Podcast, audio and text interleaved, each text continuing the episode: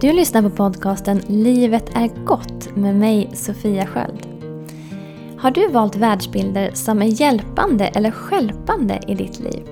Här pratar vi om sätt att se på världen som hjälper dig att nå dina mål oavsett om det handlar om prestationer eller bara att må bra helt enkelt. Livet ska vara gott.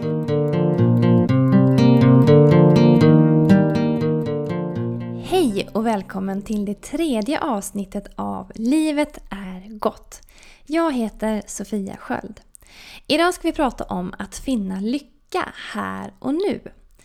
En del människor skyndar genom livet och är alltid på väg någonstans. I förra avsnittet var vi inne lite på det här med att göra en förändring om man inte trivs där man är. Att skapa ett mål att arbeta emot. Men idag vill jag lyfta någonting som skulle kunna uppfattas som en motpol till det. Men som jag hellre vill att man ska se som ett komplement. Och någonting att kombinera det här med för att skapa balans. Vi kommer troligen framöver prata vidare om det här med att göra förändringar för att få förändringar. Men då vill jag även att ni bär med er det som vi ska prata om idag.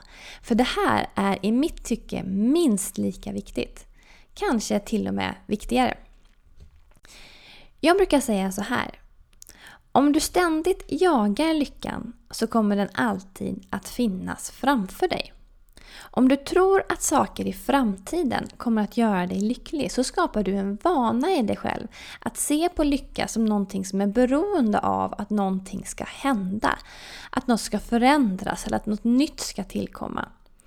Det innebär i praktiken att när du väl får det du vill ha hamnar det i en korg med saker som du redan har och som snart är vardag och då tappar de sitt värde. Och då vänder du på nytt blicken framåt som du är van vid att göra och letar efter saker som kan göra dig lycklig. Så om du på riktigt vill vara lycklig så bör du börja med vad du redan har. Och nyckeln till att finna lycka i det är att rikta ditt fokus på vad du är tacksam för. För när du lär dig att vara tacksam för och finna lycka i det du redan har, då behåller även nya saker som du skapar sitt värde när du fått dem. Det finns många sätt att jobba med det här med lycka här och nu. Och vi kommer troligen att prata vidare om fler sätt senare. Men idag så vill jag lyfta ett sätt som jag gillar väldigt mycket. Det är en övning på det här temat som jag tycker är fantastisk. Ta ett papper och en penna. Det går såklart att göra på datorn också och föredrar du det så gör det. Eh, även om en del hävdar att det skapar en större mental koppling mellan tanke och känsla när man faktiskt skriver bokstäverna med en penna. Men hur som helst, sätt dig ner på vilket sätt du vill och skriv ner 100 saker som du är tacksam för här och nu. 100 punkter. Kommer du på fler så fortsätt för all del. Men minst hundra saker ska det stå. Eh, och när du gör det så vill jag att du inte begränsar dig själv. Du får lov att vara tacksam för precis vad som helst. Man kan tycka att det som verkligen är viktigt här i livet är saker som kärlek, relation och hälsa. Och låt det stå med. Men känslan av tacksamhet är en riktigt bra och viktig känsla i sig. Och allt du kan komma på som skapar den positiva energin i dig är bra. Så skriv ner att du är tacksam för din fina penna om du är det. Din bil, din tvättmaskin, din nya snygga frisyr eller skorna du hittade på rean igår. Allt som gör dig tacksam är vackert. Även om det på ett sätt kan kännas lite ytligt så är det ändå bra. Och det är också ett bra sätt att komma igång på, att skriva de här små sakerna för att få den här positiva energin av tacksamhet att börja flöda och röra sig i kroppen. För när den gör det så kan man lättare komma på fler saker och helt plötsligt så behöver man hitta saker att vara tacksam för i stort och smått. Och det är ju superbra. Och när du skriver ner saker du är tacksam för så försök att vara så specifik som möjligt. Om vi till exempel tar våra barn, om du har barn, eh, och du då skriver “Jag är tacksam för mina barn” så är det väldigt stort och inte speciellt specifikt. Det finns också en liten risk att en del av dig vet att ja, jag är väldigt tacksam för mina barn. Men en annan del säger också samtidigt Fast det är mycket jobb också. Eller, men jag önskar bara att de inte bråkade så mycket. Och då kopplas även en liten minustyngd till känslan kring barnen och sänker lite grann den här lätta, sköna känslan vi arbetar på att skapa. Försök istället att vara mer specifik. Att vara tacksam för barnen kan vara som en rubrik när du sedan fyller på med vad du är tacksam för över barnen.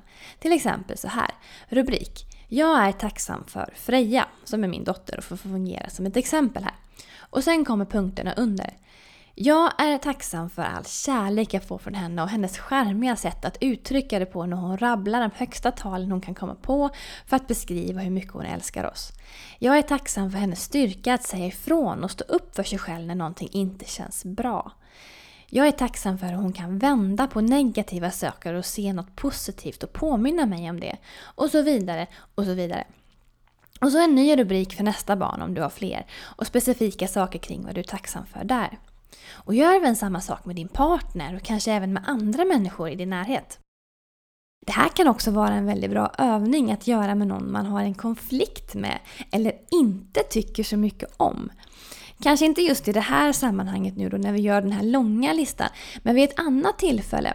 För det blir lätt så att om man börjar störa sig på någon så är det bara det man ser, alltså de sakerna som stör en. Det är i alla fall bara det som vi noterar och släpper upp i vårt medvetna. De där filterna vi pratade om i första avsnittet, de är programmerade på att jag gillar inte den här personen. Och då skickar de bara upp info som stämmer överens med det. Så positiva och fina saker kan gå en helt förbi. Men om man väljer att medvetet byta fokus kan man upptäcka saker som faktiskt är bra med den här personen. Och i bästa fall så kanske man rent av börjar tycka om vederbörande. Men gör man inte det så kanske man i alla fall får en lite mer nyanserad bild av den här personen. För tänk på det, att ju fler människor du tycker om, ju mer kommer du bli omgiven av människor du tycker om. Jag säger det igen, för det är väldigt bra. Ju fler människor du tycker om, ju mer kommer du bli omgiven av människor du tycker om. Det i sig är en väldigt bra världsbild. Men okej, okay, det här var en liten avstickare. Men det är ändå ett bra exempel på hur man kan arbeta med listor av tacksamhet i oändligt många områden. Som nu ska jag skriva ner tio saker jag är tacksam för och tycker om med mitt hus, mitt jobb, min kropp eller vad det kan tänkas vara. Hur som helst, övningen jag vill uppmana dig att göra nu är att göra en mer allmän lista där du skriver ner saker om allt i alla kategorier av ditt liv.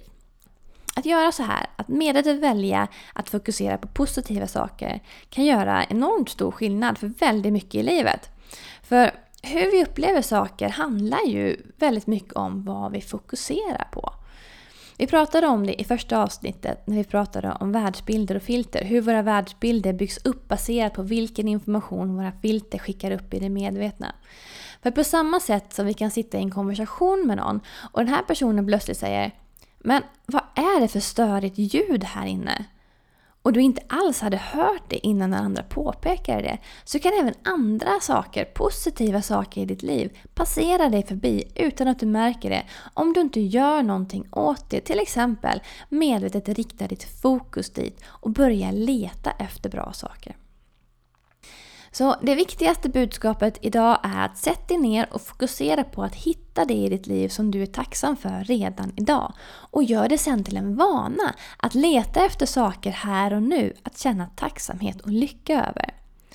Du kan såklart fortfarande fortsätta att röra dig framåt mot nya mål. Men missa inte att uppskatta här och nu, för det är resan. Och när du tittar tillbaka på den så kommer du se att det är den som är livet. Och med de orden avslutar jag för idag och tackar för att du har lyssnat. Gör en lista med vad du är tacksam för idag. För om du tänker att du ska göra den imorgon så finns det en risk att den där dagen imorgon alltid ligger i framtiden. Nu är ett lysande tillfälle att få saker gjorda på. Och glöm inte att det fortfarande finns möjlighet att komma med på gruppcoachningen vi ska ha över nätet innan midsommar. Allt du behöver göra för att få lov att vara med helt gratis är att du skriver en recension om den här podcasten där du lyssnar på den och skickar ett mail till podcast.sofiaskuld.se. Du kan även se adressen i beskrivningen av avsnittet. Och så tala om i mejlet under vilket namn du skrivit recensionen så skickar jag en inbjudan med en länk till dig så du kan vara med. Antingen live eller se den i efterhand. Jag läser alla recensioner och det gör mig jätteglad när jag får en kommentar eller ett mejl om hur det jag pratat om har hjälpt eller påverkat någon. Så mejla gärna om du vill. Ha det gott och ta hand om er. Hej då! Du har lyssnat på podcasten Livet är gott med mig, Sofia Sköld. För mer information om hur du kan ändra dina världsbilder för att skapa ett liv som är precis så som du vill ha det, gå till www.sofiaskuld.se. Och om du är redo för lite världsbildscoachning så går det att boka direkt där på hemsidan. Jag ser fram emot att höra ifrån dig. Ha det gott så länge, ta hand om dig själv och ta hand om varandra där ute. Hej då!